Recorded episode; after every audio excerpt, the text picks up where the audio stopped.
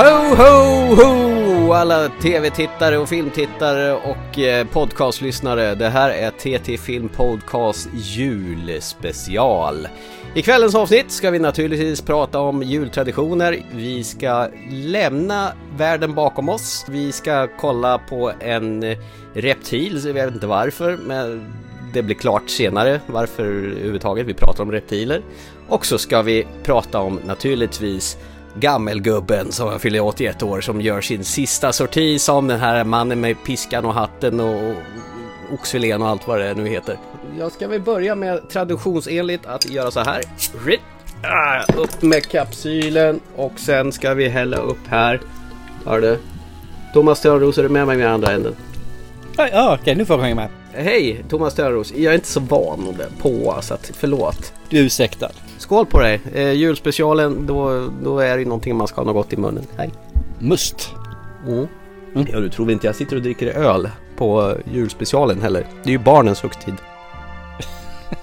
Julspecialen är barnens högtid? Okej, okay. ja, ja. Nej men julen är ju det och det ger ju fel signaler om jag skulle sitta och kröka här i den här änden. Ah, du menar så. Ja just det, det gör vi bara på mis- äh, egentligen våra nyårsspecial ja. Just det, ja, okay. verkligen, verkligen. Hur mås det i andra änden? Lever du och har hälsan med dig? Ja då, här är det fint. Man är ju lite motståndskraft mot eh, covid och annat så man klarar sig alldeles utmärkt. Så att, eh. ja, ja, tack för den då. Piken var fin. Eh, non-taken. Här är sjukstuga as we speak. Eh, jag har haft covid i en vecka och jag börjar äntligen bli på benen igen. Min tredje vända. Eh, nu räcker det tycker jag. Eh, min sambo har fått det, min storson har fått det och min lillson börjar gnälla idag att han har ont i halsen så han har väl största sannolikhet det hela också. Och hellre under julen också än under nyårsspecialen. Eh, för då ska vi ha det trevligt tillsammans och då vill jag fasen ta mig inte att du ska vara sjuk. Nej, och då jävlar minsann, då dricker vi öl. Mm. Ja, det tänkte jag. Och jag har köpt skumpa. Jag vet också. Och sen har jag faktiskt en liten överraskning till dig. Den godaste ölsorten som jag någonsin har druckit. Eller den godaste av den ölsorten som jag någonsin druckit. Den ska du få smaka. Du tänker inte tala om vad det är för något? Du ska få eh, greppa den här du kommer få göra. Det är klart och det kommer vara dödligt gott. Du är så snäll. Tack. Mm. Ja, men vilken tur att jag har fyllt ölkylskåp, eller fyllt, det har ju stått där orört de senaste sju veckorna. Som förra åren. Nej men typ. Som vanligt så här års så Ja, magen pajar ju hit och dit. Det börjar, börjar låta som en hackig skiva på repeat men jag har inte kunnat druckit alkohol eller, eller druckit kaffe på de senaste sju veckorna så jag har ju sparat mig till våran eh, julinspelning. Eh, du sa ju det, att jag skulle göra det så jag har ju fan blivit en riktig torris på kuppen, nykterist. Ja men det, det är bra, spara dig. Ja. Du ska spara det till mig. Hörru du, så här innan mm. vi sätter igång och det är julspecial och sådär och du är ju man av traditioner, eller hur? Absolut, jag är, ja. har så mycket traditioner att inte ha några traditioner så det är absurt. Och jag är också en man med traditioner. Jag införde någonting förra gången vi gjorde julspecial så jag tänkte att vi skulle göra repris på det. Så att eh, jag tänker att du spänner fast dina säkerhetsbälten för vet du vad det är dags för nu? Pop quiz hot shot. What do you do? What do you do?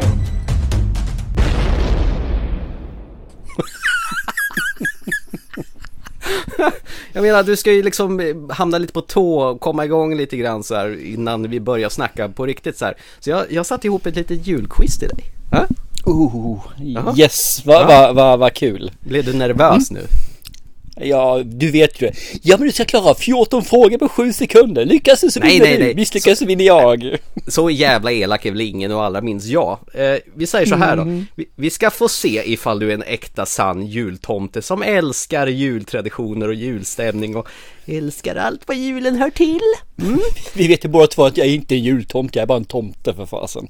Vi sällar dig till två kategorier. Antingen jultomte eller Ifall du är mer som den här självupptagne snåljåpen Ebenezer Scrooge som hatar julen mer än allt annat. Jag ser mig mest som Grinchen i sådana fall. Ja okej, okay. vi tar en hybrid mellan Grinchen och Scrooge, det beror på. Mm. Grinchen Absolut. är lite mittemellan då, om du hamnar på något sånt här mittemellan betyg. Men allting hänger på poängen, är du med nu här? Ja, ja, jag förstår nästan det. Jag ska vara extremt ja, eh, snäll. Vänta, vänta, vänta, vänta, innan vi går in på det så vill jag rätta reglerna.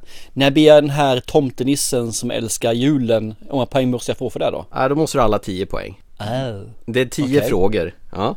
Ja, okej, okay. det, det, var ju inte... Jag ska vara så extremt snäll nu. Du behöver faktiskt bara ha 8 rätt av 10 för att kvalificera dig som jultomte. Okej, mm, då- A- Allt annat är Grinch och du är Scrooge. ja, okej det är så. det, det är verkligen win or lose här så. Ja. Så åtta poäng behöver vi ha då. Och, åtta och vet du vad? Du har faktiskt hela tre minuter på den här gången så känn ingen stress. Ah, om det ska vara juletid liksom, då ska man ta det lugnt och stilla. Jag tycker jag ska få så mycket tid jag behöver. Ja, faktiskt inte. Tre minuter får du på dig. Så det är för att vi ska få det här game show stressmomentet för att du ska gå upp, gå upp i varv och känna endorfinerna och adrenalinet kicka in. Ja? Jag måste bara ställa frågan, vad tycker du om stress egentligen? Jag hatar stress men det är kul att se andra stressa. Precis. Där ser vi min egen händiga Scrooge på andra sidan. Mm, jag vet. Så att jag startar klockan nu. nu. Är, är, är du beredd förresten? Mm, ja, ja, absolut. Det, det här blir kul för mig i vanlig ordning. Tycker han ja. Ja. Jag, jag startar klockan nu. Tre minuter från och med nu. Fråga nummer ett. I filmen Gremlins går hela Gremlings-batchen på bio.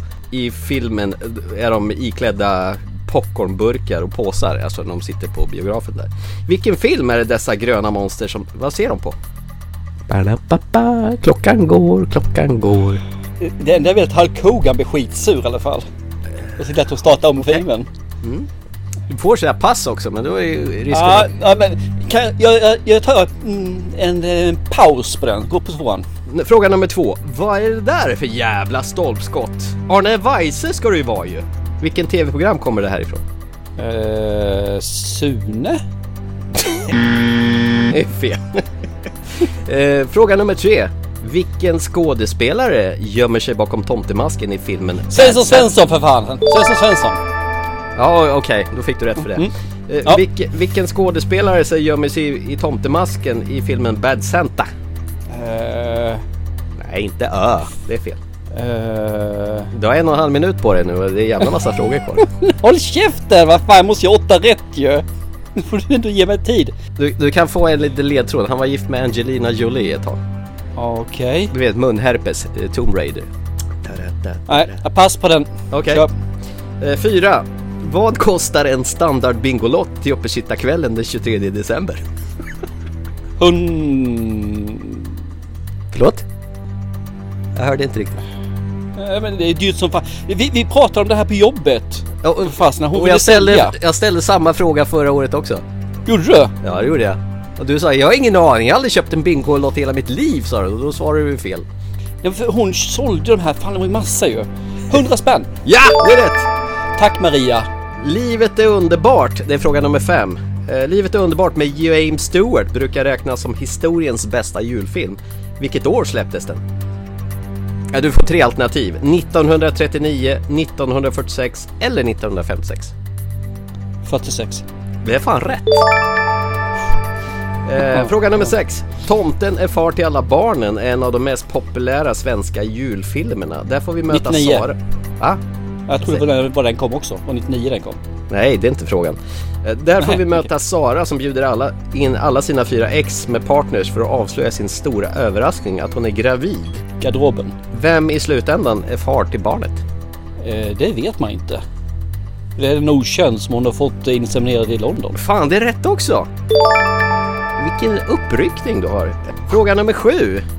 Vad heter Mariah Careys superjulhit från 1994? Pass!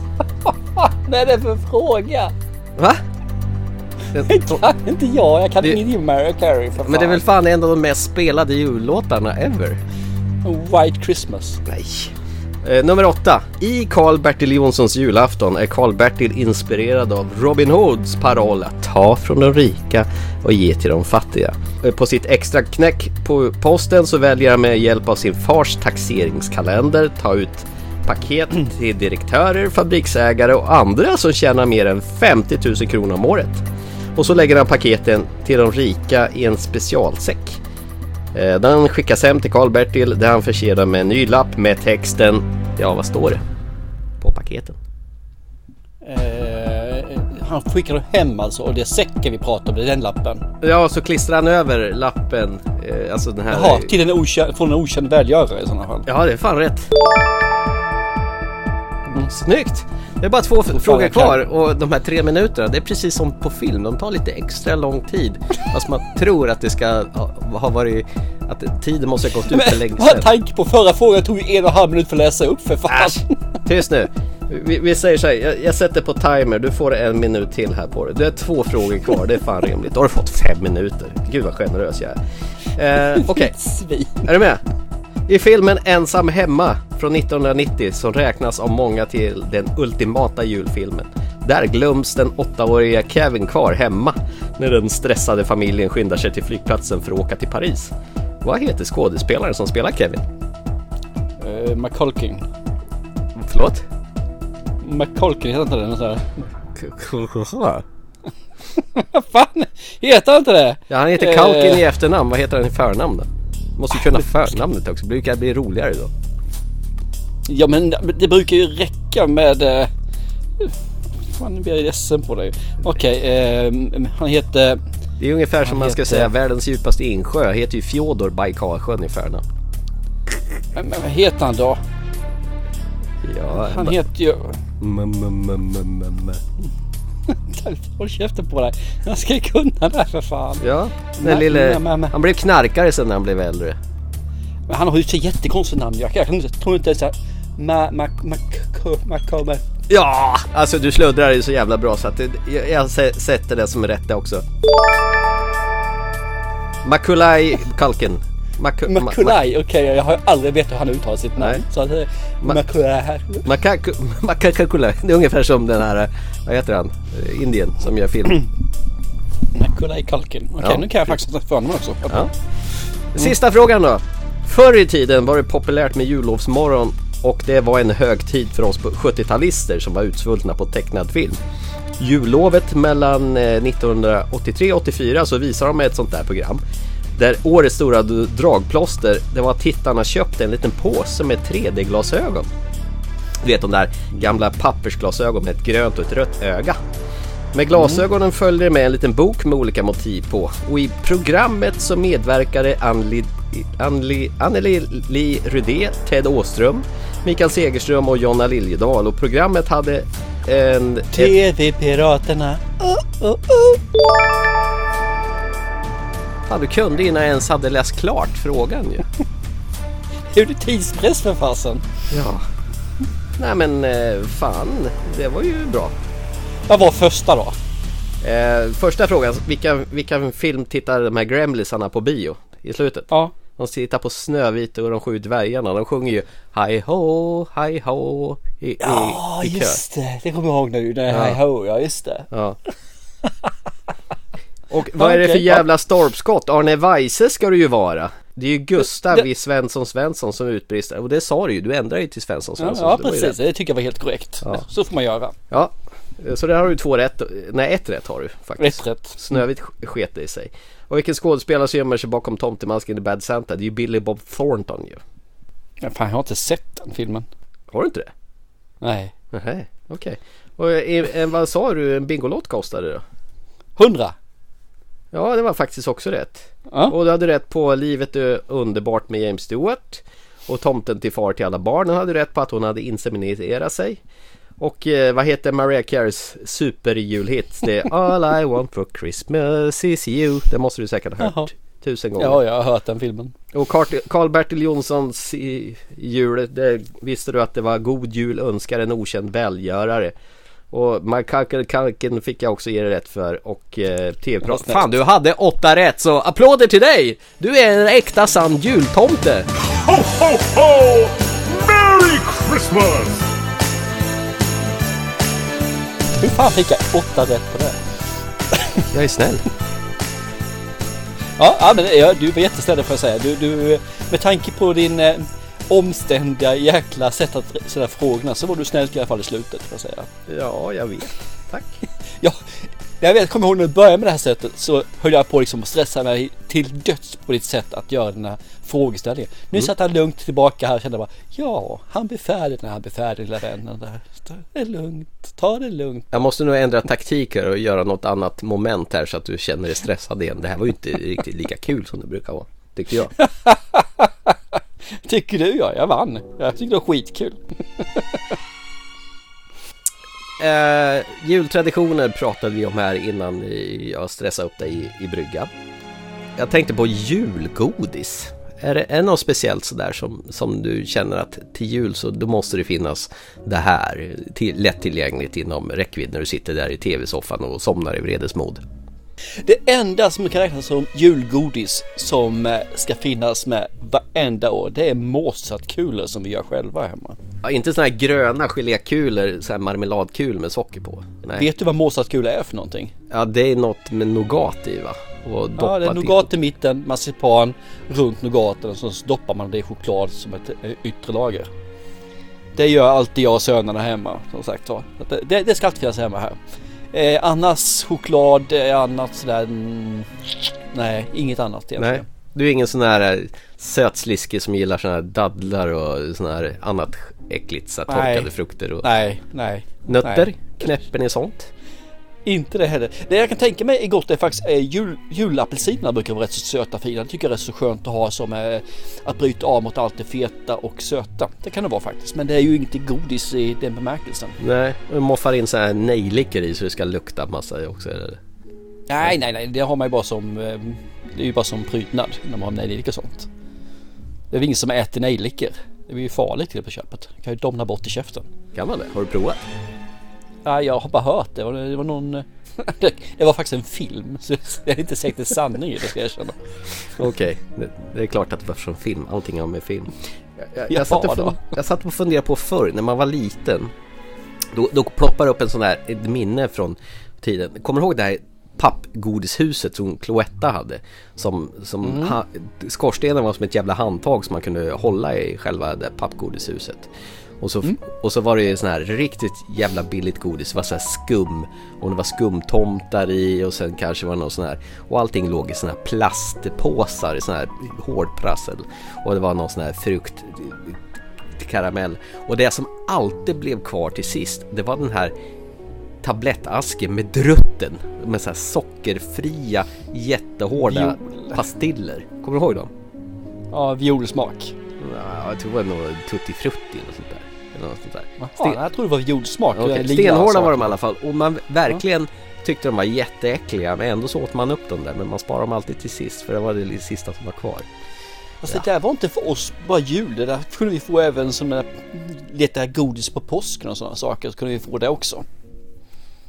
Så det var inte bara julgodis för oss. Ja okej, okay. men just det där huset med lite sådär blandat godis, det var väl ungefär som en dåtidens lördagspåse som, som man moffade i och då var det bara paketerat i sånt här pappershus. Men det var någonting just med det där med det där godishuset. Ja, för det vet jag morsan de gav oss det som present. Oftast fick vi leta efter det bara för att de ville ha lite tid för sig själva och ja. dricka lite glögg kan jag tänka mig något liknande. Just det. Annars så, nej ingenting. Eh, annars hade vi en sån här som alltid dök upp också. Det var ju den här twistpåsen. Ja, just det. Den dök upp hos oss. Det var ju massa eh, saker som inte smakade gott. Eh, de gick åt som du säger till slut men eh, den fanns alltid där. Jag vet inte, jag vet inte om det finns att köpa längre idag. Jo, twistpåse finns men det är ju de har ju säkert ändrat nästan allting i själva påsen. Det, nu är det väl Dime och Snickers och sånt där skit i. Då vet jag Har vad... nog inte ätit den på 30 år tror jag. Så att... Nej, det jag kommer ihåg, den jag tyckte var godast, det var den här lila svart guldfärgade prasselpåse. Det var ju alltid sådana här man vecklade mm. ut med, de har ju sådana här i, i pappförpackningar med sådana här äh, smällkaramellsändar i. Och, den, och det var ju ja, lakritsen där. Jag tror jag utvecklade mitt lakritsberoende redan då i Twist. I, när, när, man, när de köpte de där Twistpåsarna. De tyckte jag var godast. Okay, jag var ju mer ute för chokladen. Framförallt det här som nästan, nästan var som en kexchoklad. Var det den här alptoppen eller vad det nu såg ut som?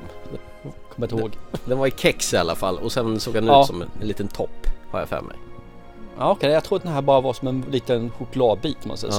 så. Det. Men det fanns olika det fanns ju massa andra. Just det fanns ju här som hade sån här knaster i också som typ crisp. Ja. det är den du, du syftar på. Jag tror det är den ja, det är nog den jag far efter. Just det. Ja. Mm. ja, nej men det, det finns, men det, det är sånt här, det är inte riktigt julgodis för mig. Jul, julgodis för är, faktiskt sånt där som mamma gjorde när vi, när vi växte upp i så fall. Eh, gjorde sån här mintpastiller typ med en liten chokladtopp på mitten. Ja, eh, gjorde ja. knäck. Mm. Och gjorde även ischoklad. Åh oh, fy fan äckligt. Ah. Ja, det tyckte, då tyckte jag var jättegott men nu kan jag inte, jag kan inte se på det utan att jag får eh, rysningar i Nej, kroppen. man mår illa Men det- bara tänker på det. Fan vad Men det är sånt som för mig är ju, det är ju, det är ju julgodis egentligen. Det är ju inte köpegodis egentligen utan det är, man gör eget godis som är julgodis Okej. för mig. Så det har aldrig figurerat så här 100 kilo Aladdin-askar som har stått på hög. Ja, och det gör det, men det är inte julgodis i alla fall. Trots att det är det enda gången man äter alla dina askar är ju under julen, för det är då alla får dem. Eller fick i alla fall, det är inte så vanligt längre. Men eh, det är ändå inte julgodis, utan det är bara någonting som fanns på julen. Ja. Låter konstigt, men så känner jag i alla fall. Och så var bara de där körsbärna kvar. Det var ingen som ville ha dem. Och Förutom trilling. pappa som älskade dem. Gjorde han det? Ja, han är verkligen, han såg fram Den var alltid klar till slutet för han visste att ingen annan tyckte om den. Så vart han skitsur när jag eller Stefan, min broder då, åt upp dem för det fanns inget annat kvar ju. Nej. Han hade ju alltid den som ett Ja, man äter inte upp, börjar inte på lager två förrän lager ett är uppätet. Så kunde han hålla det gisslan där i lager två för att han inte åt upp sina körsbär. Så då, då tog vi de här körsbär bara för att lager ett skulle bli uppätet och han blev skitarg när det var uppätet. Det var spännande. Det var som en oskriven regel. Man fick inte börja ta från andra lager förrän första var Nej, så rensat. för att komma dit fick vi äta sånt äckligt jävla skit. Ibland, ibland så kastar man den i soptipp, äh, soporna bara för att bli av med den. Fy fan. Ja. Så här gott folk är det när man växte upp på 70-talet. Då fick man stå ut med mycket som man fick göra i livet. Ni har det bra idag ni som har växt upp på 90-tal, 2000-tal och sådana saker. Ja, och det var en evig väntan. Då fanns det inga mobiltelefoner eller tv-spel som man kunde underhålla sig och få hela tiden stimulans 24 timmar om dygnet. Utan då fick man sitta där och ha tråkigt ända fram till klockan tre det kalla började och så vidare. Japp. Men du, ska vi gå in lite grann och prata lite film? Just när det gäller julfilmer. Ja, Du brukar ju ta upp det här med att säga Åh, har du några julfilmer? Vad, har du för, vad ser du för julafton? Ja, vad har du för julfilmer? Favoriter? Berätta. Tyst. Nu är det jag som kör här. Jag är tyst. Kafka var tysk. Jag vill gå in lite mer i botten här. Jag vill gå djuploda i det här egentligen med julfilm. Vad är en julfilm? Och jag har satt och funderat och jag har, alltså hela, hela december har jag funderat över den här frågan. Lite halva november också faktiskt. Vad är en julfilm? Jag kom fram till att det finns två typer av julfilmer. Det finns den klassiska julfilmen. Den klassiska julfilmen är ju en, allting kretsar kring julen. Det är några dagar innan jul och sen så är det här fina slutet är på julafton när allting löser sig. Det är lite en, romcom komedi fast mycket, mycket sliskare. Det är ungefär som eh, knäcken som fastnar mellan tänderna, man blir aldrig riktigt av med den. Där har du den klassiska och i den klassiska där det är ju den här, vad heter de för någonting? Eh, Miraket i New York bland annat från 94 är ju en sån ju. Klappjakten kan jag tänka mig. Nej, det är inte, ja men ungefär den är kanske där också när jag tänker efter. Även om det är en lite annat koncept. Mm. Du har massa sådana här saker. Det, det är de egentligen som jag ser. Det är den klassiska. Och så har vi de här lite mer liberala julfilmerna. Då kretsar det kring julen. Det är kanske inte julen som är fokus, men julen finns där. Det är, det är viktigt att den ändå finns där tycker jag. Och då har vi de här gamla klassikerna Die Hard. Den är ju för mig en julfilm, men den är ju inte riktigt att den kretsar kring julen, att det är det som är målet. Gremlins, ytterligare julfilm som ser precis Snövita som sagt var, vilket är ju en julfilm i sig. Där har de här sa- sakerna då. Så jag ser att det finns två kategorier, den klassiska och den liberala. Så om man säger då, har du någon julfilm? Då måste du specificera, är det en klassisk julfilm vi snackar om eller en liberal julfilm? Så, nu får du ställa din fråga. Ja, jag kan väl bara hålla med föregående talare. Det är ju alltid något sånt där att det är ju någon som är självupptagen och inte har tid med sina barn eller eh, jobbar för mycket eller det är någon fnurra på tråden och så vidare. Ja. Och Eller två älskande par som då inte kan på grund av Nej, någonting. det går inte. Men eh, till slut, mot slutet så blir det julmagi och- alla nuppar med alla i slutändan i alla fall. Ja, Mm. precis. Typ Päron är fast, eh, fastsatt alla barn. Mm. Vad heter de? Päron är fastsatt alla barn. Ja, men Ja. så hette den har jag för mig. Jag har faktiskt sett om Die Hard bara för att nu här i eh, dagarna. Jaha, nej, men det är, det är julfilm på den. Den ser jag bara på jul, eh, julperioden här. Ja, ja men det är väl, är inte typ december julperioden? När anser du att det är? Nej, nej, nej. Julperioden är från den 24 till och mellandagarna ut. Det det är julperioden. Du kan inte se sånt här före, det går liksom inte. Inte, inte Die Hard i alla fall, det tycker jag inte. Okej, men jag tror att några streamingkanalerna, om du tittar så är, bombarderar Jag tror, jag har aldrig Ja men då släppts- har vi återigen det här då ju. För mig är ju Die Hard en tradition att se under julperioden som är jul fram till dess. Man ser inte någonting annat. De andra julfilmerna, det kan ju folk se vem fan som de vill. Men Die Hard, det, det går inte att se förrän julafton eller efter julafton. Okej. Men nu har jag faktiskt, det är- nu har jag faktiskt sett, nu tvingar jag faktiskt min son att se om första Die Hard. Nu har vi i och för sig sett Die Hard 2 och 3 också. Vet, vet du vad jag upptäckte nu efter att ha sett Die Hard typ 50 gånger? Du vet, den, de här tju- tjuvarna som ska göra heisten på Nakatomi Building som de tror är terrorister från början men det är egentligen bara simpla tjuvar. De kommer ju med en lastbil i, i början av filmen och, och eh, så de kommer ut i själva garaget och springer ut. Sen på slutet så ska de ju ha en flyktväg och då kör de helt plötsligt ut en ambulans ur den här lastbilen. Det är bara det att när man får se i början när terroristerna, tjuvarna kommer ut där så finns det ingen lastbil i, eller ingen ambulans i den här lastbilen. Den du. Ja, Okej, ja det ser man. Ja, helt plötsligt vill jag inte se det. Jag vill inte se den mer filmen längre. Jag kollade lite grann att när de satt och klippte den där filmen då, då sa han John McTiernan som regisserade filmen och test, körde den för testpubliken. Wow, vänta här lite grann. Man ser ju ingen ambulans när de springer ur där. Bara, då måste vi egentligen kalla in alla skådisar och göra om det här. Nej, vi skiter i det. De som märker det, de märker det. Så det var liksom en sån där miss från, i produktionen helt enkelt. Ja, och det har ju vet, många filmer göra med sådana missar ju. Ja, Ja, ja, jag har inte tänkt på den. Vad kul. nu har orerat tillräckligt. Vad har du? Har du några så här speciella go-to-filmer när det gäller jul? Nej, men jag vi har pratat om det tidigare. Det enda jag ser egentligen det är ju Carl Bertil och Die Hard i stort sett alltså. Det är de. Ja, det, det är de i stort sett. Jag hade ju eh, även eh, Tomten är farta barn, men den såg jag slut på sen den orkar jag liksom inte titta på. Nej. Däremot finns det ju andra filmer som jag tycker är riktigt bra. Det Mm. tycker jag. Eh, Jag tycker faktiskt att Ensam Hemma är en rätt så trivsam. Om man Ja, ser den tillsammans med en yngre publik så tycker jag om den. Alltså. Ja. Jag tycker om Gremlins definitivt. Så den ska vi nog se här också vad det lider. Mm. Det tycker jag. Ja, men den, den Det finns massa. Vi har Polarexpressen som är faktiskt riktigt jäkla bra också. Men om, om, man kollar på de här största topplistorna så är det ju faktiskt ensam, he, ensam hemma som toppar de flesta listorna och Die Hard faktiskt ligger tvåa. Ja men precis. Jag har med kollat in på det och det, den, som, den som slog mig som den här mest filmens överraskande filmen. Det är på 18 plats på den listan jag tittade på låter faktiskt Batman återkomsten. Är det en julfilm? Jag tyckte ju inte det men den ligger där på listan. Så jag kände bara jaha, okej. Den kanske utspelar sig på julen på någon julparad eller något sånt där kanske. Ja kanske det. Jag vet faktiskt inte. Jag kommer inte ihåg. någon som jag har gått igång på nu på senare tid det är den här The Holiday. Eh, den här med Kate Winslet och Cameron Diaz när de byter hus med varandra. Hon, Kate Winslet bor ute på den så här engelska landsbygden och Cameron Diaz är så här framgångsrik. Hon gör trailers gör hon. Och så bestämmer sig de två att de behöver byta miljö med varandra. Så de hyr, byter varandras huslägenheter.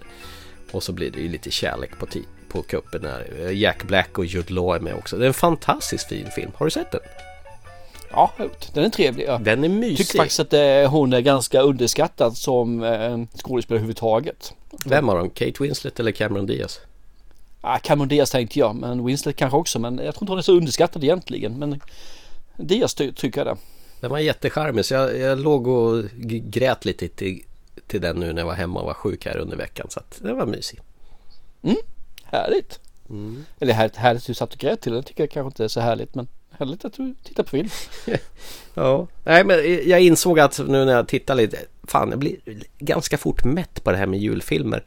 Det är kanske som du säger man kanske ska spara sig lite mer till det börjar bli, komma till närmare. Nu har jag sett en tre, fyra stycken. Jag såg även här Jingle All The Way med med eh, Arnold Schwarzenegger när han ska köpa en Turboman till sin son. Han är ju en sån där som arbetar hela tiden och glömmer bort att eh, vara Är det klappjakten på svenska där? Ja just det, Jingle All the Way. Heter den ju på original, Klappjakten på svenska. Och nu såg jag om den och den är helt jävla outhärdlig att se för det är sån här riktig jävla bananskalshumor genom hela filmen. Jag tyckte inte ens den var bra när jag såg den första gången. Nej, att, jag hade något svagt ögonblick att jag tyckte den var rätt trevlig men nej fy fan vilket jävla haveri till film det var så att nej, den passade inte längre för mig. Perfekt. Du, Mm. jag känner att jag börjar bli rätt mätt på julen. Då ska vi gå vidare till eh, ordinarie program här. Ja du din lilla Grinch, eller förlåt jultomte som du var. Eh, klart vi ska göra det. det vi, vi lämnar vårat julsnack. Nu, vi har knappt pratat någonting om Karl-Bertil Jonssons julafton men om ni känner abstinens över det hela så kan ni gå tillbaka och lyssna på våran kanske åtta senaste julspecial för, det pratar vi skiten ur, ur det tv-programmet. Eller hur? Ja, och går du tillbaka förra året så pratade vi även live action varianten. Ja, har du sett den än förresten? Nej, jag håller mig borta på den. Fy fasen, det vill jag inte se. Okej, men eh, från, från oss alla till lilla alla så har vi en jultävling här också innan vi går vidare. Eh, förra året gjorde vi ju en dikt, juldikt. Och den här gången följer vi då upp den tänkte jag med kanske inte en lika fin, eller vad sa finrummet dikt utan eh, lite mer den här eh, vardagsdikterna. Och då är det vi snackar om är ju grötrim. Eh, För alla som inte vet vad grötrim är så, så är det sånt här man sätter på paketen för att ge en ledtråd vad de får för någonting i eh, i paketet. Som till exempel eh, den som denna man den fina han kommer nog att detta vinna. Eller nu har jag ätit mig fet, nu ska vi öppna paket. Typ sådana saker. Tänkte jag. Ja, Okej. Ja, och vad, vad, vad står i potten då? Eh, Som det är som vanligt här. Tre stycken kommer vinna en, en, två, tre eller fyra filmer beroende på hur mycket som får plats i lådorna här. Ingen inbördes utan det är tre stycken som får vinna. Och är det någon som är jätte, jätteduktig också till så det är fyra stycken så kan det bli fyra paket också. Och finns det eventuellt att det blir fem som är helt makalöst underbart duktiga som vi inte kan särskilja så kan det bli fem paket också. Men minst tre paket. Och bara som så här, vill ni ha en speciell film så låt grötrimmet hamna om den filmen så ökar chansen att ni får den i sådana fall. Och det, det lättaste är väl att eh, de som är med och tävlar de skickar till våran e-postadress ttfilmpodcast.gmail.com Det låter alldeles förträffligt. Mm. Och eh, ta och bara markera i titeln jultävling så Ja. vet vi vilken det är. Och ett grötrim som har med film att göra. Det ska vara en film ja, exakt. Och det behöver inte vara en, en, en speciell film, det kan bara vara om någon film så sett alltså. Eller om vad ni tycker om film eller eh, en regissör eller vad, vad som helst. Bara det handlar om någonting om film. Eh, jag tänker mig så här att det här kommer ju inte vi kunna leverera innan jul utan det här får bli som vanligt att det får bli eh, efter nyår så kommer det väl dimpa in lite eh, paket till vinnarna och vi annonserar ut det då. Ja, men däremot kommer vi läsa upp det kan jag tänka mig i nyårsspecialen där. Ja, det lär vi ju förstås göra. Då, då tycker jag nog att tävlingen avslutas torsdagen den 28 december. Det låter jättebra det. Perfekt. Bara som en, sista liten touch på det också. Som vanligt, som vi alltid nämner vid varenda gång vi har de här tävlingarna, är ju att slott, smicker och sådana saker går ju alltid hem alltså. Vi, vi är väldigt, väldigt, väldigt mutbara. Fjäsk. Fjäsk, absolut. Det- Smicker, fjäsk, jag använder fina ordet du använder det. Ja, det blir uppenbart fula ordet. Men vad bra. Må de bästa julgrötrimmen vinna. Tävlingen avslutas 28 december och eh, mejlas till ttfilmpodcast.gmail.com Jultävling i ämnesraden. Lysande. Fate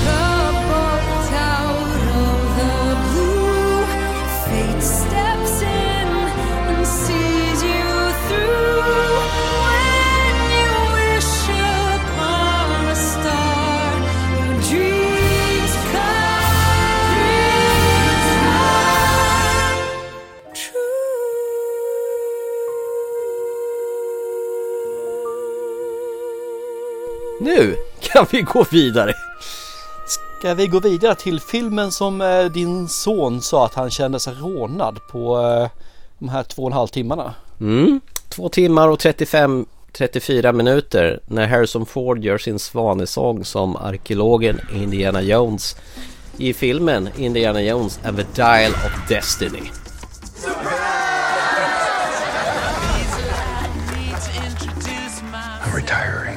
Well, in that case, what are we drinking? Same for the goddaughter. Dad told me you found something on a train during the war. A dial that could change the course of history. Why are you chasing the thing that drove your father crazy? Get him.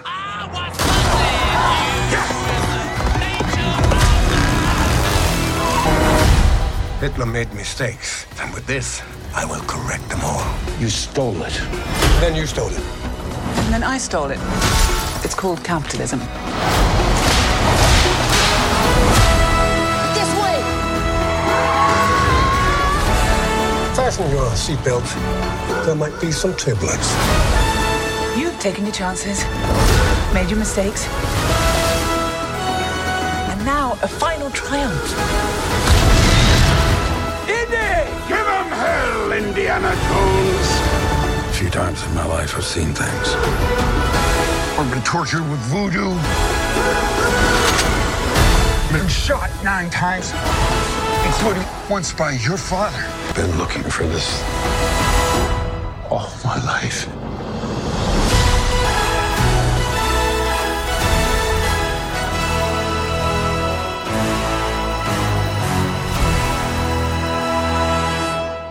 Vi har ju pratat om det här lite grann innan så vi har gjort här ju när den kom ut på bio. Nu är den här ju på Blu-ray och DVD. Och även på streaming kan jag tänka mig.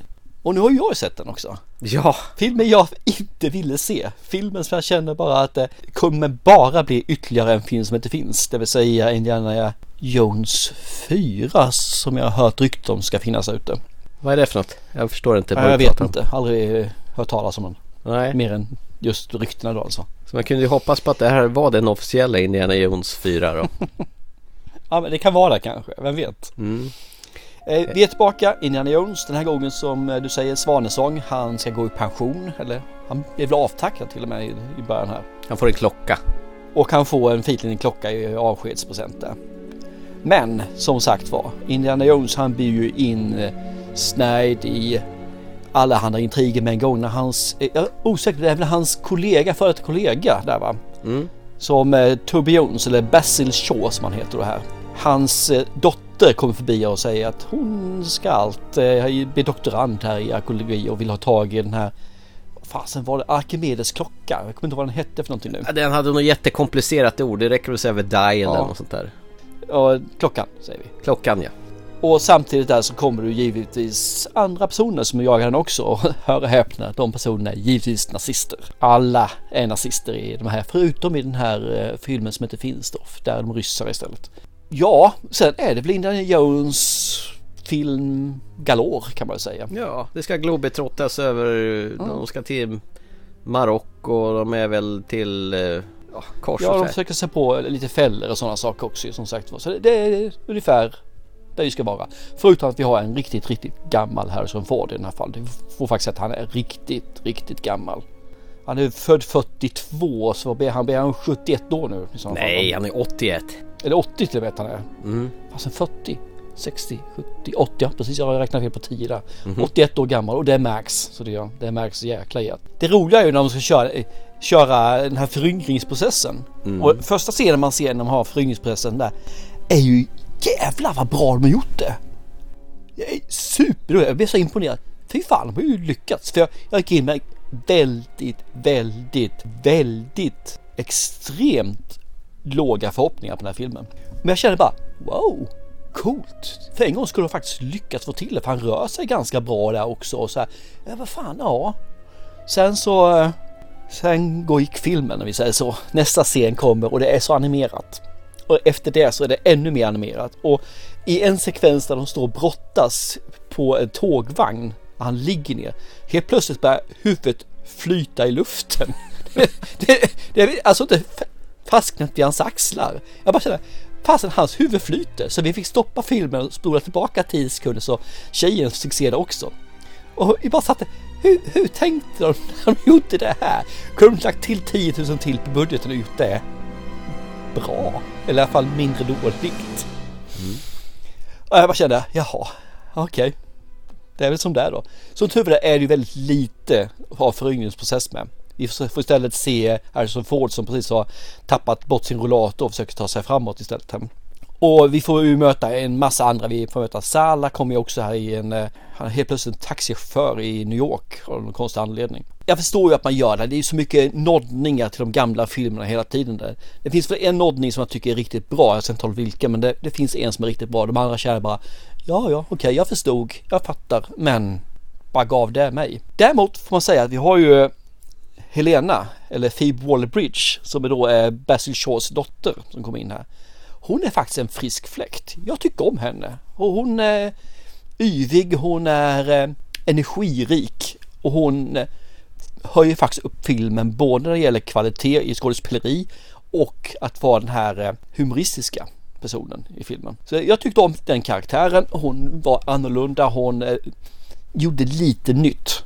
Alltså i den här genren då kan man säga, eller den här franchisen. Och så har de givetvis en liten kille där som, eh, jag kommer inte ihåg vad han heter för någonting. Teddy. Eh, Ted, Teddy, precis. Som då ska vara, som jag tolkar är short round ifrån andra filmen. Och sen har vi Mads Mikkelsen som är nazisternas nazist i det här fallet. Dr. Woller. Jag känner att Mads Mikkelsen har ju faktiskt omdanat och tyckt att han har blivit bra när han var med i Arctic och Polar till exempel. Två riktigt bra filmer. Jag känner bara, fan man kan ju inte tycka illa om han är ju en skitbra skådespelare. Men nej, nej. Han, gör, han är säkert jättebra skådespelare men tyvärr väljer han fel roller. För han är skitdålig i den här filmen alltså. Superdålig är han. Tyvärr, förståt Mats men nej, nej, håll dig till de andra typerna av filmerna. Där är det bra men det här funkar inte. Så vad kan man säga om filmen bara för att göra en liten sammanfattning? Eh, Jag tycker att Harrison Ford, han skulle lagt av, han skulle inte gjort mer filmer, han skulle bara gjort 1, 2, 3 och så skulle de gjort en ny casting på Harrison Ford och fortsatt den här eller gjort något nytt eller börjat om från början eller vad fan som helst. Och de får gärna sätta in Helena egentligen som en ny Harris, eh, Indiana Jones. Hade fungerat klockrent. Men filmen är inte bra. Men den är ju faktiskt inte jättedålig heller. Jag tycker den här är faktiskt ganska underhållande bitvis. Kanske för att jag hade förhoppningar att det här blir som mest ett kräkmedel för mig. Och den höjde sig över det. Wow! Utan, så jag känner att nej, den, den här är, det är ingen bra film men den är ut, man, man, man, uthärdar den här kan jag alltså, tycker jag. Fast vad negativt lätt, den är bättre än så faktiskt är den. Den, den är, fast jag kan inte hitta, hitta en, hur, en förklaring vad jag tycker om den egentligen. Eh, den är OK minus då om vi säger så. Eh, OK minus minus. Okej. Så att eh, en matinéfilm rent sagt. Jag kan tänka mig att de yngre generationer som inte har sett dem 1, 2, 3 kan säkert tycka den här är helt okej. Men det finns faktiskt en karaktär som jag tycker är riktigt jävla nice att se. Och det är Karen Allen som Marion. Hon måste ju också vara någonstans eh, 70-80 år den tjejen ju. Och hon ser jävligt bra ut fortfarande. Hon är ju skitcharmig när hon kommer in här, eh, gråhårig nu och så här, men fortfarande hennes leende är där, hennes ögon är där. Hon är ju, ja, jag tycker om henne. Hon skulle ju egentligen varit huvudrollsinnehavaren kan jag tänka efter nästa steg här. Men nej, nu får det räcka. Eh, ingen mer Indiana Jones i den här. ingen mer Harrison Ford i alla fall. Det blir det säkert inte heller. Det blir det ju inte heller. Han har det här är ju, det går ju inte. Det, det gick ju inte i den här heller tycker jag. Nej, han, han är för gammal så han är alltså. Och de gör ju lite, eh, de söker lite komedi på att han är gammal. Men det funkar liksom inte. Man ser en 80-årig gubbe som knappt kan gå. Ska klättra 12 meter upp för en lodrätt yta. Nej, man tror inte riktigt på det. Alltså det, det blir bara paj av det hela. Så nej, den är mycket bättre. Nu ska jag frångå mitt säga. Den här är ju milsvitt mycket bättre än fyran. För den, den var ju bara arg på den filmen var jag liksom. Så den här filmen tycker jag skulle kunna varit nummer tre. Och den skulle ha fungerat, eller som nummer fyra menar jag. Och skulle fungerat som nummer fyra. Den, den håller inte nivå 1, 2 och 3, gör den inte. Men den är fan de är inte långt ifrån trean. Där, det var mitt. Ja. Bättre än vad jag trodde. Sämre än vad jag skulle vilja att den här eh, franchisen gör. Jag ska hålla mig kort för jag har ju redan surrat med min son här vid biopremiären och, och det hela. Jag har ju sett om den här för jag, det är ju som vanligt. Jag, Med Indiana Jones, i och med att det, det, jag håller ju själva de här tre första filmerna så väldigt högt upp och tänker att så jävla dåligt kan det ju inte ha varit. Jag måste väl varit trött eller någonting. Jag, jag vet jag hade sovit dåligt när jag tittade på den där och, och jag tänkte jag, jag kanske hade somnat någonting under filmen. Kanske var därför man var rörig och sådär. Men nej då. Jag minns den precis på samma vis som jag såg den då. Och jag tyckte den var lika klapprutten som förra gången. Eh, det, det är som du säger med det här första föräventyret på tåget där.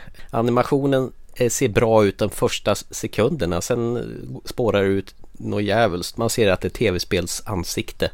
Hans röst är ju dessutom 80 år tillsammans med den här eh, 30-åriga tv-spelskaraktären. Det går så jävla illa ihop. Sen fattar jag inte varför de har med Antonia Banderas som den här Eh, båtkapten eh, Grodmannen. Eh, för han är med typ i tre minuter. Nu har de kunnat tagit vilken jävla skådespelare som helst. Han gör ju varken från eller till i den här filmen. Det är likadant Salla. Det är också bara för en sån där fanservice-grej som man ska känna igen gamla karaktärer. Ja det finns ju jättemycket fanservice. Jag förstår inte varför man ska ha all den här fanservicen. Alltså den är... Och som jag har sagt tidigare efterlyser ju varje gång att det som gör Indiana Jones det är att han ska få gå igenom massa krångliga fällor och försöka ta i Det fanns ju ingenting i det här. Det var ju bara walk in the park för att hitta rätt. Det, det finns ingen utmaning för Herr Jones. Varför? James Mangold har ju tagit över facklan från Steven Spielberg. Men varför har man glömt bort det här med krångliga gångar, det ska vara liksom svårt, det ska vara fällor, det ska vara pilar, det ska vara så här dödliga spikar, grejer, falluckor och skit. Det fanns ju ingenting i det här. De glömmer bort det, det väsentliga. Och den här är ju så jäkla generisk och det är humorlöst. Och samtidigt är det lite rå ibland. Alltså de skjuter folk och det dödar oskyldiga människor. Det brukar de inte göra i Indiana Jones-filmerna. Utan de som dör det är sådana som är skyldiga och elaka. Men den här helt plötsligt, här skjuter vi folk till höger och vänster. Ja men där kan jag nog känna att det tillhör nog lite grann eh, den nya eran att man faktiskt följer med. Det är ju, andra är ju 80-talet liksom men det var mycket mjukare där att döda oskyldiga gjorde man ju inte då. Det, det var ju nej nej. Och sen tyckte de gjorde en sån jävla sån här slö, lazy writing mot slutet av filmen. Vi kan ta det off mic sen. Ja, nej jag tyckte fortfarande att det här var så vansinnigt dåligt gjort. Och varför kallar Indiana Jones henne Wombat för hela tiden, Helena? Får man någon förklaring till det? Nej, inte klart och tydligt men att det är hennes, eh, vad heter det, hans lilla nickname på henne när hon var barn ju. Ja, och varför? Wombat? Måste man veta varför? Ja men de kan väl förklara varför han kallar henne liksom, Varför ja, då? Wombat? Vad fan är en Wombat för någonting? Nej, så att när sista rutan eh, har rullat och eftertexterna, då hör man den här klassiska Indiana Jones musiken bara Nej, det här var skitdåligt återigen. Fy fan, man skulle ha nöjt sig vid tredje filmen när Harrison Ford, Sean Connery och Marcus Brody rider ut i solnedgången och där fick det vara nog. Men nej då! Icke! Eh, för dig då kan jag tala om att en wombat är någon typ av pungdjur som bor i Australien. Okej. Som är ganska söt till köpet också faktiskt. Eh, Så, så att han ser sin eh, guddotter som ett pungdjur. Nej men en söt liten gnagare. En liten gnagare. Ja, okej. ja men det var ju fantastiskt att du inte helt bara tog bajsa på den där. Ni- Nej men jag tycker jag inte det så. så att jag tycker inte det var bra men jag, jag mådde inte illa när jag såg det om vi säger så. Som jag Nej. trodde jag skulle göra. Bortsett från att Harrison Ford är alldeles för gammal. Det är så synd för Harrison Fords för mig står ju för det här med, med piskan och som han använder för att svinga sig fram och så här. Och en 80-åring som svingar sig fram fungerar ju inte när han kan knappt lyfta piskan ju. Just det. Han använder piskan tror jag två gånger i hela filmen för eh, det, han fixar ju klart inte det. Vad tänker jag på? Det finns på Disney Plus nu i och med när de lanserar den här en dokumentär om Harrison Ford och Indiana Jones hur de eh, kom på från första början där, där vi har pratat om i våra specialavsnitt där Steven Spielberg och George Lucas på Hawaii kom på idén här och sen hur det fortlöpte. Och så fick man, har man fått se lite bakom kulisserna ju bland annat när han skjuter den här eh, när han är magsjuk och skjuter han som svingar med svärdet vet. Och massa andra fakta. Och lite annat om andra filmer som han har gjort som Vittne till mord och Moskitokusten och sådana filmer som han har glömt bort att han har gjort faktiskt. Eh, Sista Anatomigänget och hur han, hur han fick jobbet från början från att vara snickare och så vidare. Rätt intressant, det, var- det var fan mer intressant än den här jävla skitfilmen. Så det kan jag rekommendera att se på Disney+. Plus. Den släppte de samtidigt som den här. Bra. Det var det. Det var det. vi kan lämna The Dial Destiny åt sitt öde för att jag är ingen sugen på att prata mer om den här crap-filmen. Nej, då är jag rätt nöjd också. Jag tror det är sista gången vi pratar om Indiana Jones eh, tills... Ja, där vi kanske gör ett specialavsnitt av Harrison Ford någon gång.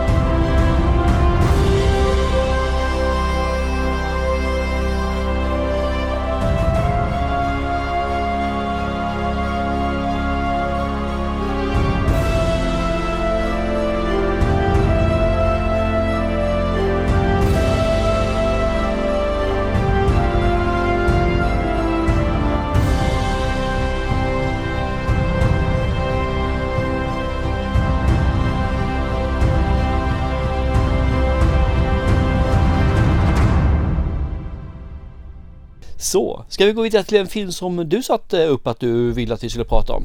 Mm, kan vi göra. Som, som jag sa tidigare så vet jag fortfarande inte varför filmen heter som den heter men Jag vet. Ja, men tar du vad det handlar om ska jag tala om varför den heter så. Filmen är en, finns på Netflix sedan en tid tillbaka och eh, det är Benicio del Toro som har huvudrollen och han är en trött polis i filmen Reptile. How have you been feeling? There's a case going on. So what happened? I walked in the front door. I called out for her. Hello? No answer. And then what?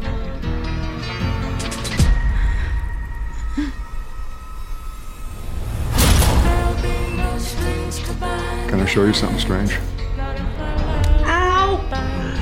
That's a bite. It was the dentals that got Ted Bundy. Is there anyone you can think of who might have done this? A few nights ago, this guy showed up at my house, acting strange. Strange in what way? Who do we like from this? I'll go with the boyfriend. I got the friend. I'll take the weirdo. I'm going with the ex-husband. Am I a suspect? Everyone is a suspect. Tell me what's going on? Not listening! Get out!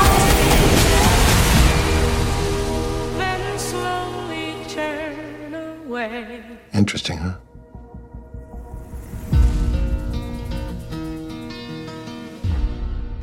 Ja, det handlar om Will Grady som hittar sin eh, flickvän brutalt mördad i, i Maine i ett hus. Eh, hon, Will är en sån här eh, mäklare och hans eh, flickvän är också mäklare.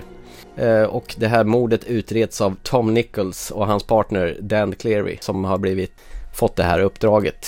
Det visar sig att hon, eh, den här kvinnan då som har blivit mördad, Summer, hon verkar inte få provision för de här försäljningarna hon gör. Så att det hela verkar vara lite skumt här. Och ju mer eh, Tom Nichols nystar i det hela, ju djupare längre in han når det hela så nästlas en, en sån här eh, mordhistoria upp som han egentligen inte har riktigt räknat med.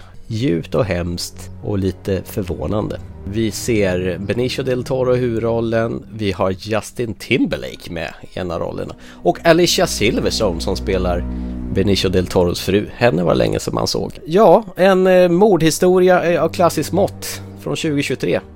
Kan det här smaka? Och nu kan jag tala om varför den heter Reptile då, bara för sakens skull. Namnet Reptile kommer egentligen från att karaktärerna i filmen, när- när i stort sett alla karaktärer ömsar skinn och visar sig vara någonting de egentligen inte är. Utan de ändrar karaktär som de gör. Ah, det Därav Reptile. Så alla karaktärer ändras någonting under, under filmens gång. Förstod du det här eller har du läst på det här? Jag har läst på. Okej. Så smart är jag inte.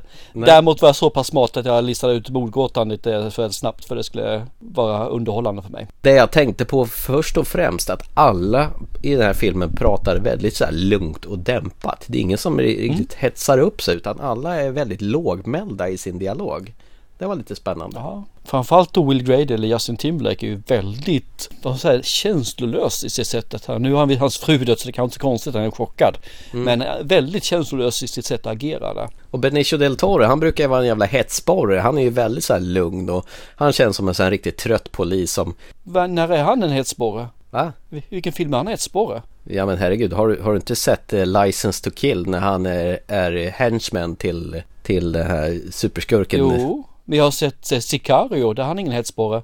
Till exempel. Att det är brukare, det håller jag inte med om. Okej, han, är, han, är, han är hetsig i License to Kill med Timothy Dalton då. Fast han är jätteung. Ja. Ja, okej. Men gud vad jag gillar Alicia Silverstone. Det var skitlänge sedan jag såg henne så jag blev jätteglad att Ja, se. jösses. Hon är ju skitbra här i den här filmen. Hon är ju riktigt skarp eh, fru till honom som han kan bolla med. Och jag tycker om Del Toro också. Han är en riktigt fantastiskt bra skådespelare. Jag fattar inte att han har varit med i Marvel-filmerna. Har han? Att han var med i The Collector var han ju. Och spelade den här eh, överstilade, ja, överagerande i eh, Marvel-universumet. Nej, det visste inte jag heller Så här hade jag totalt missat. För annars är han alltid en eh, tuff karaktär. Snut eller agent eller vad som helst. Som till exempel i Sicario där han är ju en riktigt brutal figur. Fan vad bra den filmen är.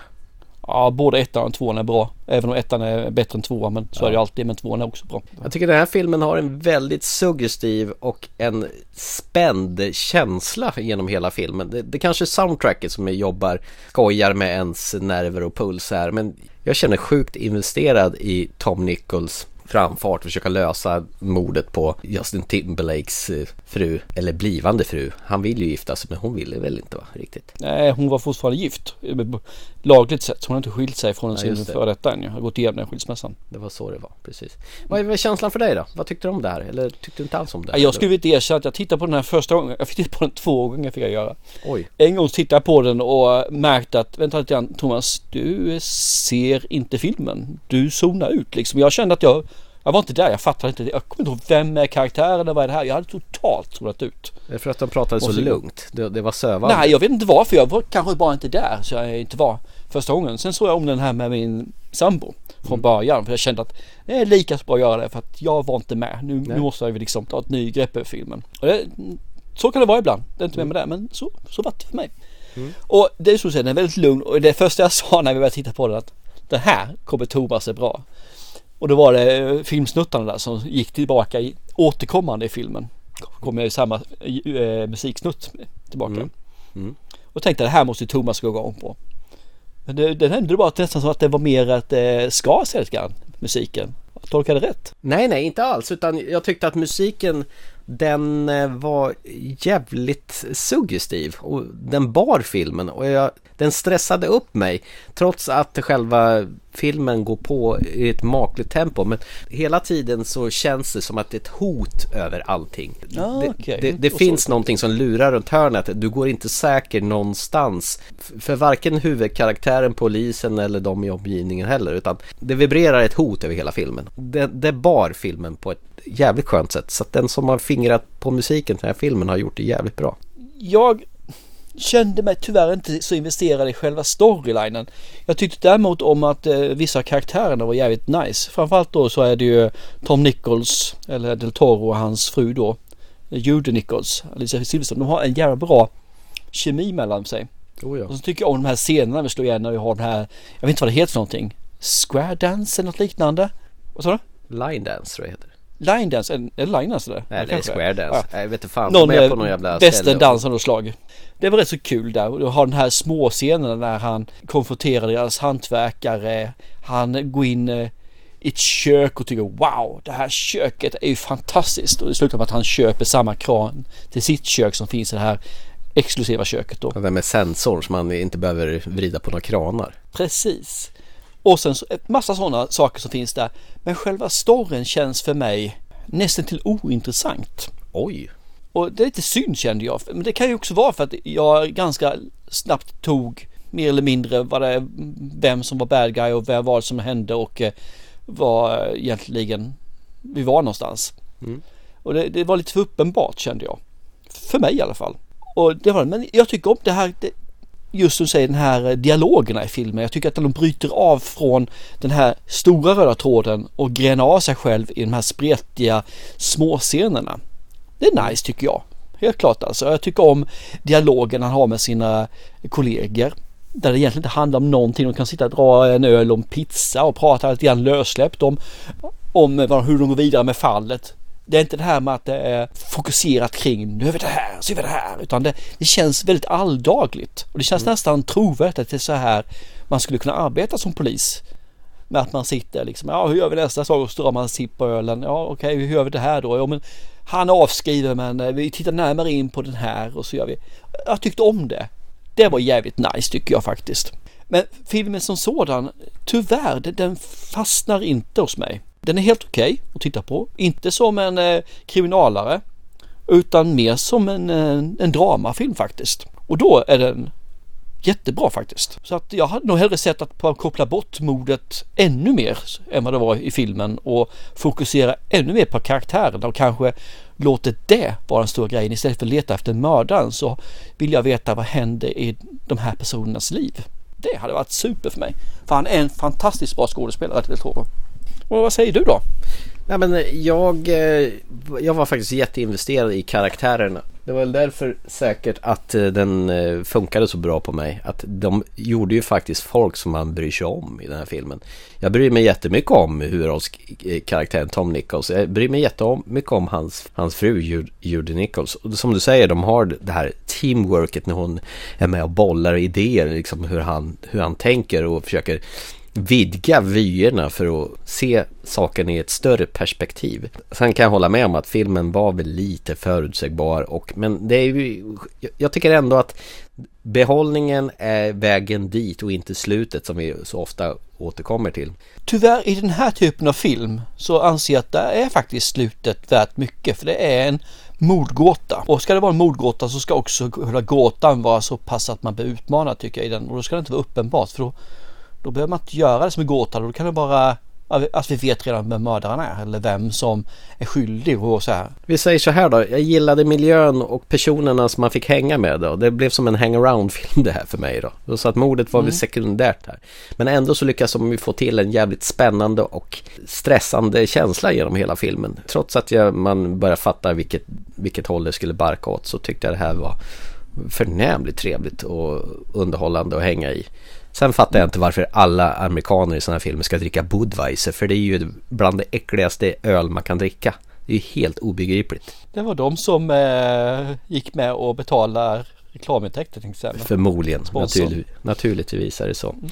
Nej, jag tyckte det här var jättebra. Jag blev lite kär i den här filmen faktiskt. Jag hade faktiskt glömt bort hur väl jag, mycket jag gillar Benicio del Toro. Och hur glad jag blev att få se Alicia Silverstone igen så här i vuxen ålder. Ja, man har inte varit bortskämd med att se mycket filmer utan han var mer het och stor förr när han var yngre. Men kom gärna tillbaka och gör fler filmer. Hon är skitbra. Ja men det håller jag med om. Jag tycker också hon var riktigt bra. Så att, eh, gärna igen. Det känns som att du, du, eh, du gillade mer karaktärerna istället för storyn och det lät som att du inte riktigt tyckte att den var lika bra som jag. Nej, det gjorde jag inte. Det här var, blev just på grund av att det utger sig för att vara en crime sänker jag betyget rätt så brutalt på den så sätt jag gör. Så jag blir lite besviken. Men eh, som sagt var, för de som vill se det här så tycker jag fortfarande att man ska ge den en chans. För eh, draman är ju suveränt bra. Så det tycker jag. Men för crimen, nej.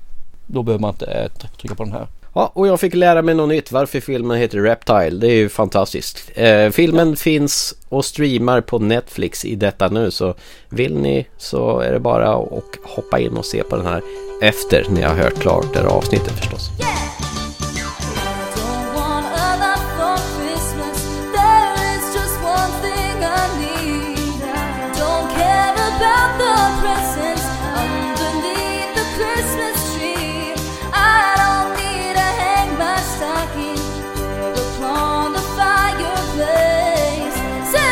Won't make me happy with a toy on Christmas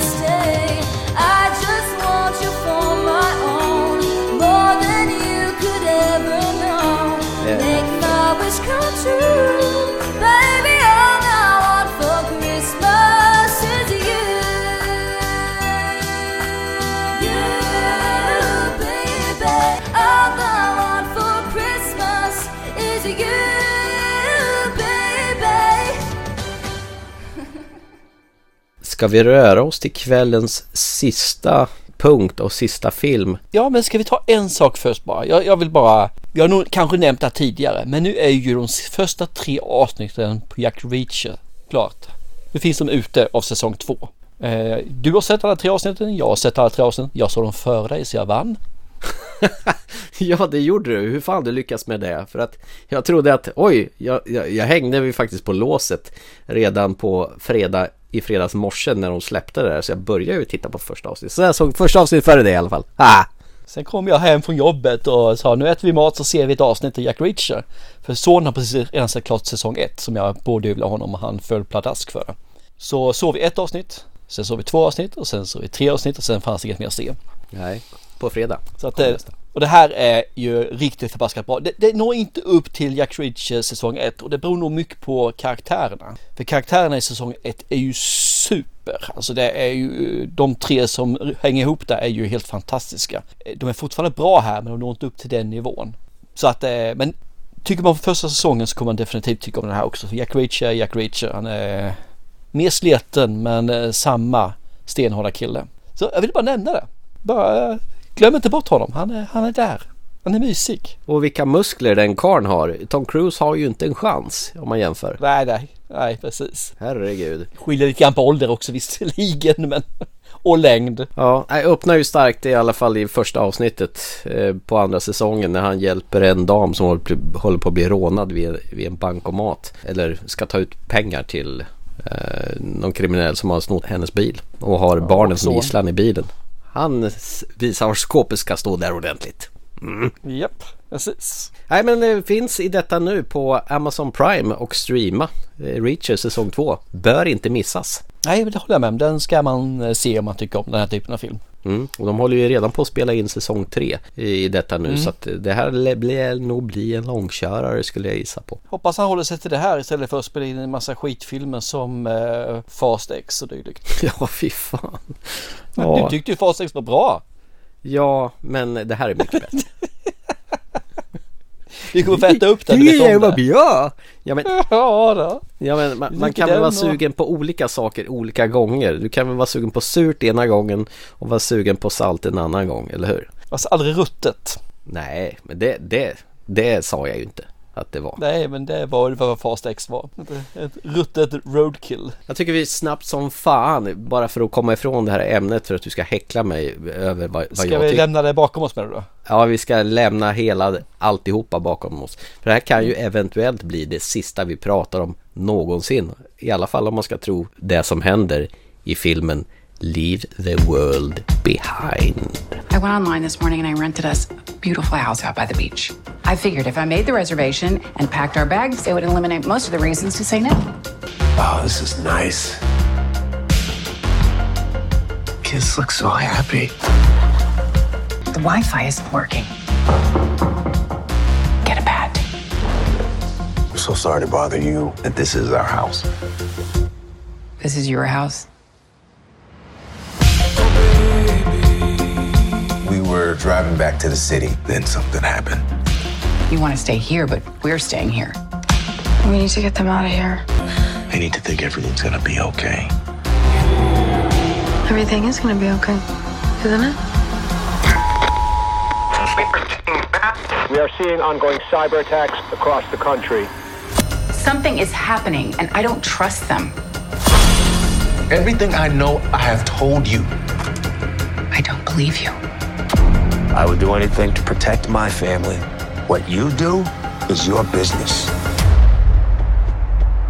Get in the car right now! Whatever it is, it's happening to all of us.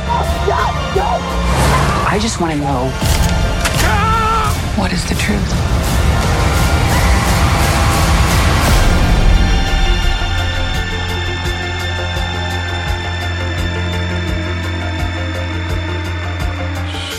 Julia Roberts, Ethan Hawke och eh, Kevin Bacon får vara med på ett hörn och Marheshala Ali. Aktuell film på Netflix släppts här i dagarna och eh, ja, vad händer när Julia Roberts som hatar människor tar med sig sin kar och hyr ett hus på västkusten? Då eh, går det som det går. Det är inte med det. Ja, vad ska man säga i den här filmen? Hon hyr ju ett, en stuga och sen så börjar det ju hända lite mystiska saker. En stor oljetanke går på grund på stranden när de ligger och badar. Det kommer massa rådjur i trädgården. Eller, eller ja, rådjur eller vad heter det, hjortar. Någonting av det. Det är säkert hjortar när jag tänker efter. Strömmen går. Och helt plötsligt så dyker de som äger huset upp. Eller åtminstone säger de att de äger huset. Dyker upp och knackar på dörren och säger vi vill också bo här i den här stugan nu för vi vill inte bo i lägenheten när strömmen är utslagen. Och det blir väldigt suggestivt. Vem är vem? Vad är vad? Vad händer? Varför händer saker och ting? Eh, och så vidare och så vidare och så vidare. Så det blir ju eh, lite mystiskt ska man säga egentligen. Mm. Och det är just det vad det är. Det är ju en drama, mystery och thriller. Så att, eh, och jag ska bara erkänna att eh, Marcella Ali som jag kommer ihåg från Green Book. Han är skitbra i den här karaktären. Ja, det är han pia- pianisten från Green Book ja, som, eh, vad heter det, som eh, han i Sagan om ringen, danske, Viggo Mortensen kör runt på. Nej, det är ingen Viggo Mortensen som kör runt han i Green Book. Nej, vem är det då? Nej, nej, det, det är ju han... Eh, ja, kanske är Viggo Mortensen. Ja, det kanske det är ja. Ja. Jo, men det är det ju fan. Det är bara att man känner inte igen han i, eh, i filmen. Men det är ju Viggo Mortensen, stämmer ju. Ja, jag hade rätt där. Du hade fel. Ja, det hade du. Ja, absolut. Jag ber om ursäkt.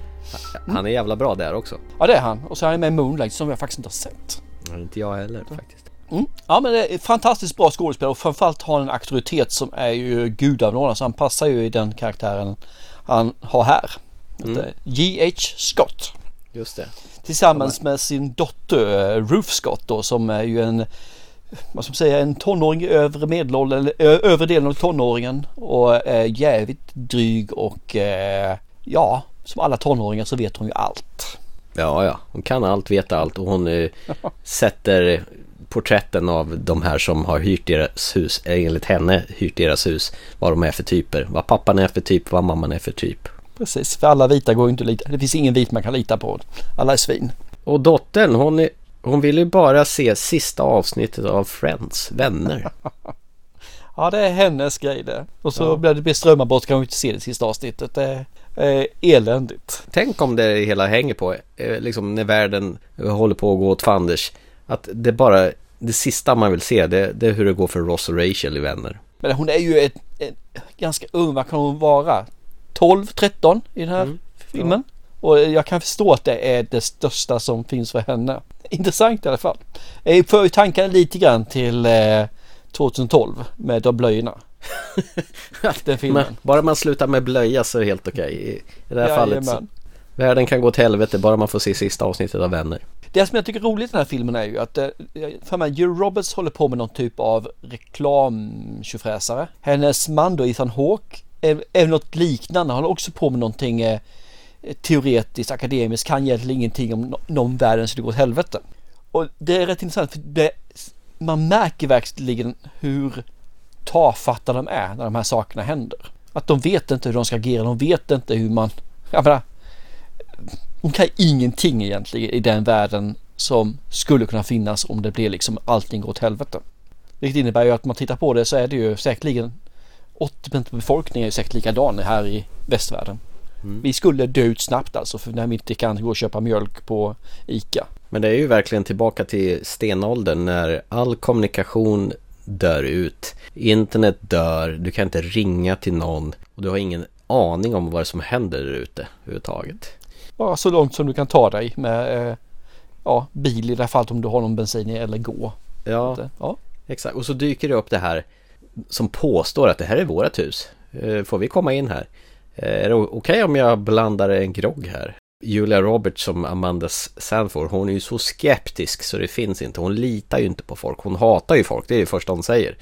Innan förtexten att jag hatar verkligen folk så att därför så känner jag för att komma bort härifrån och hyra ett hus tillsammans med eh, Ethan Hawke som är mer en sån här ja-sägare. Det känns som han, han hakar bara på allting som hon vill göra. Han är en vis man, han gör som frun vill. Ja, verkligen.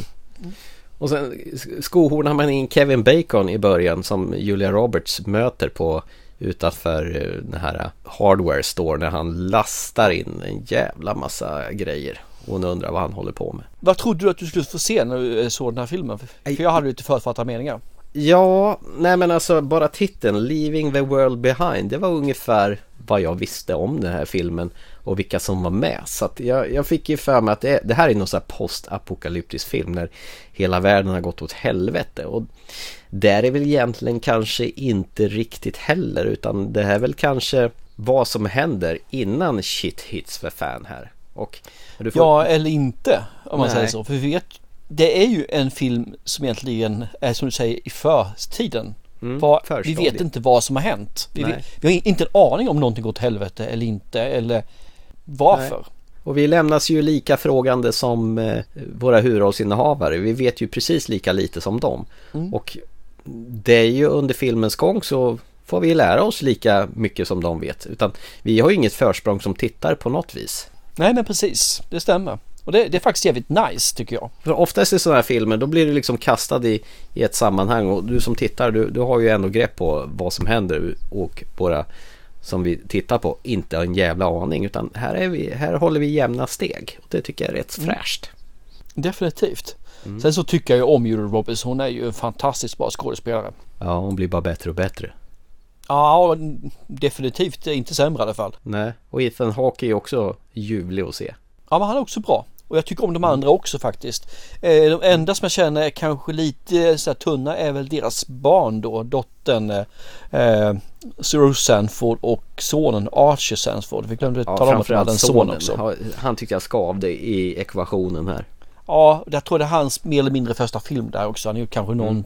typ innan men det här är Han har inte gjort mycket så det kan nog vara därför. Sen är ju Kevin Bacon trevlig att se också.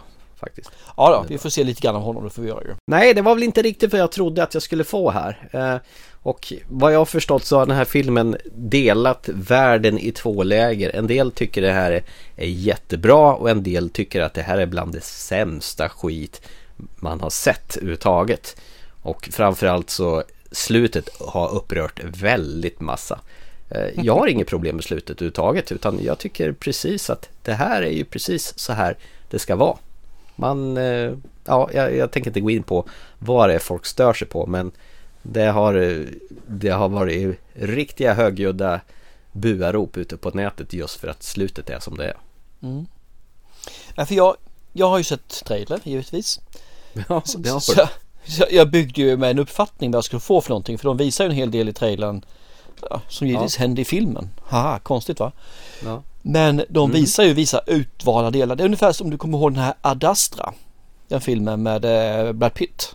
När han ska leta rätt på sin far ute på Jupiters månad någonstans där. Mm. Och eh, det de visar i trailern där är ju tre stycken actionscener. Så bara pr- så de sprutar ut action i trailern. Och det är de tre actionscenerna som, som finns i den filmen. Ja, den är ganska långsam. Ja, den är ju väldigt långsam filmen så de gjorde ju helt fel när de förklarade den filmen i trailern. Och de gör ungefär samma fel i den här trailern också. De låter sig påskina att det är någonting annat än vad egentligen är i filmen istället för att visa upp och förstärka filmen som den är. Vilket gör att man blir rätt irriterad faktiskt när man eh, tittar på filmen för man får inte det man trodde man skulle få. Men, har du köpt dig en Ferrari och du får en sparkstötting så blir du rätt förbannad. Det är inte mer med det. Ja, jo i och för sig. Det är synd att de gör på det viset för som tittare så måste man då ställa om. För det du får här är en långsam, riktigt långsam drama med ett litet mysterie inbakat i det här. Mm. Och det lilla mysteriet man snackar om det är ju som du sa tidigare. Ingen tv, ingen radio, ingen telefon, ingen, ingen el fungerar. Och varför? Ja, precis. Ingen vet varför det inte gör det. Och annars är det här en drama egentligen om två stycken familjer som möts och måste på något vis ja, eventuellt lita på varandra eller ta ett, ett beslut vilka, vilka är det vi kan lita på, rättare sagt. Och jag, jag retar mig som sagt på för att trailern är gjord på ett visst sätt, filmen på ett annat. Långs, långsam, fin film, trailern visar action och, och eh, att nu ska det hända saker och ting. Så de som blir förbannade på den filmen kan jag förstå fullständigt för det hade jag med blivit om jag inte hade lyckats ställa om. Nu tycker jag filmen är faktiskt relativt bra som en drama. Men den är lite för långsam, lite för, inte spretig utan nästan tvärtom. Den är tillknäppt i sitt berättande. Det är liksom så, den är så enkelspår. Det finns ingenting som går utanför den här röda tråden. Så den blir nästan, man får nästan lite klaustrofobi i handlingen. Vilket jag tycker är jättesynd. Kan inte det vara meningen då att det ska kännas klaustrofobiskt och instängt? Nej, men det är inte, du, du missuppfattar mig där i sådana fall. Det är inte filmen som känns instängd utan det är handlingen som känns instängd. Jaha, okej. Vet du, för det känns som att man går inte utanför den här röda tråden någonstans. Det finns ingenstans där man bygger ut karaktärerna. Det finns ingenstans man bygger ut storyn utan det är bara en tvådimensionell film. Den går bara från A till B utan att det finns någonting där utanför. Och det tycker jag är lite synd för jag oftast vill ha lite mer. Jag hade velat ha lite mer tillbakablickar kanske i, från deras vardag så man får lite mer vem är vad heter det den här G.H. Scott? Vem är Amanda Stanford? Vem är Clay Sanford? Vem är Ruth Scott? Så man får mer dem. Vilka är dessa personer? Nu får man bara känna de personerna som är här och nu och det blir väldigt platt. Och det tycker jag är synd för karaktärerna och storyn får inte det djupet som man skulle vilja ha av en drama. En drama vill jag ha ett djup, jag vill ha en bredd. Här får jag platt och ganska smalt. Och det, det är synd, men jag tycker om själva storyn i sig själv. Jag tycker om idén om den. Och den är, den är så jävla bra idén tycker jag så att det ändå filmen blir OK att titta på. Hade inte storyn varit så bra och vi har haft de här bländande skådespelarna som faktiskt är Julia Roberts och eh, Marcella Ali. Det är de två som jag tycker ändå är bäst. Ethan Hawke är bra men han är inte den som är bäst i den här filmen. Det är de här två. De lyser som de gör, de bländar. Men utan dem så hade den här filmen varit ett kräkspiller alltså. För det, den hade varit så tråkig att se på. Så jag hade stängt av halvvägs. Om jag ens hade kommit halvvägs. Så det är synd. När, när det är sån jävla underbar eh, idé på en story. Nej, jag tyckte det här flöt på i maklig takt. Lugnt och skönt. Trots att eh, själva ämnet är ganska... ja, Det är ett- hot som finns någonstans där också. Men eh, de lyssnar ju på eh, skivor tillsammans. Det är mer en relationsfilm här med liksom fyra personer som möts. Hur, hur det skaver, hur, hur man hyvlar ner de kantiga ändarna för att liksom komma in på djupet på folk. Eh, nej, jag tyckte det var jättebra. Och eh, som sagt, jag hade inga problem med att den tuffade på i den takten den gjorde. Det enda som stör mig det är att Ethan Hawke möter en spansktalande tant någonstans i mitten av filmen. Och hennes dialog är bara textad på spanska. Jag hade bra gärna velat veta vad hon sa där. Ja, men det tycker jag var skitsnyggt gjort för han vet ju inte vad hon säger för någonting. Återigen så gå tillbaka till det du sa, vi vet inte mer än vad de vet. Nej, det, jättebra. det, är väl, det är väl säkert rätt. Nu talar jag faktiskt lite emot mig, men jag blir så jävla nyfiken på vad, vad är det hon gastar om? Jag ville veta, men det kanske går att köra Google Translate i efterhand och höra vad hon säger. Det gör det säkert. Det, Mm. hon sa kanske, kan du köra mig till butiken? Ska köpa två liter mjölk. Ja, just det, för jag har slut och så måste jag ha tamponger också. Det, det som är lite fotnot kul här faktiskt, det är Julia Roberts är ju viss ökänd för att hon alltid går barfota så mycket bara hon kan. Aha. Och det gjorde hon väldigt mycket i den här sättet. Hon gick barfota fruktansvärt mycket. Ja. Och Farah Mackenzie, hennes dotter i filmen, Ja. hon tog visst efter det här. Så hon gick efter Ro- Roberts och Julia Roberts barfota hon också. Så hon verkar verkligen ha klickat de två. Ja, de måste titta på Jul med Ernst eller Sommar med Ernst. Ernst Kirchsteiger, för han går alltid runt barfota. Han Och, också. gör, och bygger alltid ihop allting med rundstav och najdtråd. Det måste vara, Mm. måste vara förebilden. Antagligen. Nej men jag- spyr inte galla på filmen utan jag är bara lite trött på att man inte lyckas att förvalta storyn bättre än man gör. Alltså jag, man hade kunnat bygga på så mycket mer på den här filmen med tanke på att den ändå är nästan 2.20 lång. Hade man kunnat gjort lite mer av det, plockat bort några av de här ointressanta scenerna eller kortat ner några av de ointressanta scenerna och byggt på dem med karaktärsutveckling istället. Nej, jag hade ingen ont av den här alls. Jag tycker det här var jättebra. Det här Mm. var faktiskt en riktig smällkaramell kan jag inte säga för, för det smäller inte så mycket i den. Men den, den var tillräckligt intressant och bra skådespelare. Och eh, nyfikenheten gjorde så att jag var, det, den bar hela vägen från början till slut. Det ska bli kul då. Jag vill bara nämna en här för nu ska vi se, nu kommer jag kanske vad han heter bara för det. Marcella Ali. Mm. Han ska ju göra en film här som kommer näst, nästa år. Som jag faktiskt ska tycka är, tyck, som jag tycker är skitkul att han går in och gör. Och det är att han ska göra remaken på Blade. Ja, är det han som är Blade i den nya? Jajamän. Ja, ja. ja. Det är ju lite Och- annorlunda mot vad han har gjort tidigare. Ja, mm, det är det ju definitivt. Och jag, jag tror Och- han kan göra den hur bra som helst. Han har ju den kraften i sin aura gör ju att man verkligen tror på att han har den kraften som Blade har. Så nice, det kan bli hur bra som helst. Hoppas de gör den ordentligt grisig och rå. Snälla Marvel, gå utanför era jävla PG-13 normer och ingen jävla Morbius-trams här utan gör den riktigt våldsam nu när ni har chansen. Mm, håller med fullständigt. Please, pretty please with blood on top. Exakt. Ja. Ja, nej men eh, känner du dig nöjd med eller ska vi, har du något mer att prata om Leave the World Behind eller? är Nej klara? jag är nöjd där faktiskt. Jag har sagt vad jag vill och lite grann till känns det som. Ja, nej men eh, då så. Då är det väl egentligen bara att vi summerar eh, kvällens filmer då. Indiana Jones med Dial of Destiny, den blev ju oväntat positivt mottagande från Thomas Törnros här. Det trodde jag ju faktiskt inte. Reptile från 2023. Mordhistorien där relationerna var mer viktiga än själva mordhistorien med Benicio del Toro och Justin Timberlake. Alicia Silverstone den föll bättre i Hellbergs jord än i, i, i Törnos jord.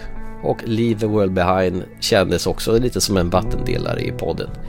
Bra skådespelare men det kändes som att du inte tyckte att de förvaltade filmen på rätt sätt. Och jag tyckte att det här var en alldeles fin habil film. Så, det var väl det. Ja men det låter bra det, helt klart. Och sen så vill jag påminna om eh, våra kära gröt rimhadollar tävlingen som vi har. Mm. Att, jag Ja. ger en liten tips till ska jag säga. Idag är gröten skinande vit, imorgon är gröten vinande skit. Och gör inte som Eskimon, ät inte den gula snön. Nej, det var ingen rim. Jag tror jag missuppfattade illa. Du får inte vara med och tävla, det hör jag där ju. Eh, tävlingen avgörs den eh, torsdagen den 28 december helt enkelt. Yes. Så, så lång tid har ni fram på er att och gröta på era rim och skicka till ttfilmpodcast.gmail.com Så, det var det hela tror jag minsann. Lysande. Så, då gör vi det vi alltid gör va? Ja, det är väl egentligen att säga från oss alla till er alla en riktigt god jul. Fy fan vad lökigt det lät. Ja, eller bara chip chip. Hej då! Eller ho ho ho. Now I have a machine gun. Oh, the weather outside is frightful, but the fire is so delightful. And since we've no place to go, let it snow, let it snow, let it snow. It doesn't show signs of stopping, and I brought some corn for popping.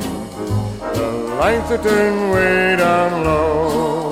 Let it snow, let it snow, let it snow. When we finally kiss goodnight, how I hate going out in the storm.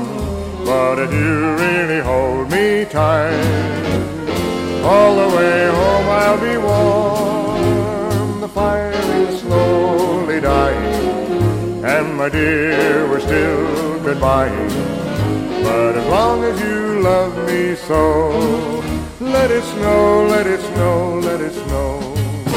When we finally kiss goodnight, how I hate going out in the storm. But if you really hold me tight, all the way home I'll be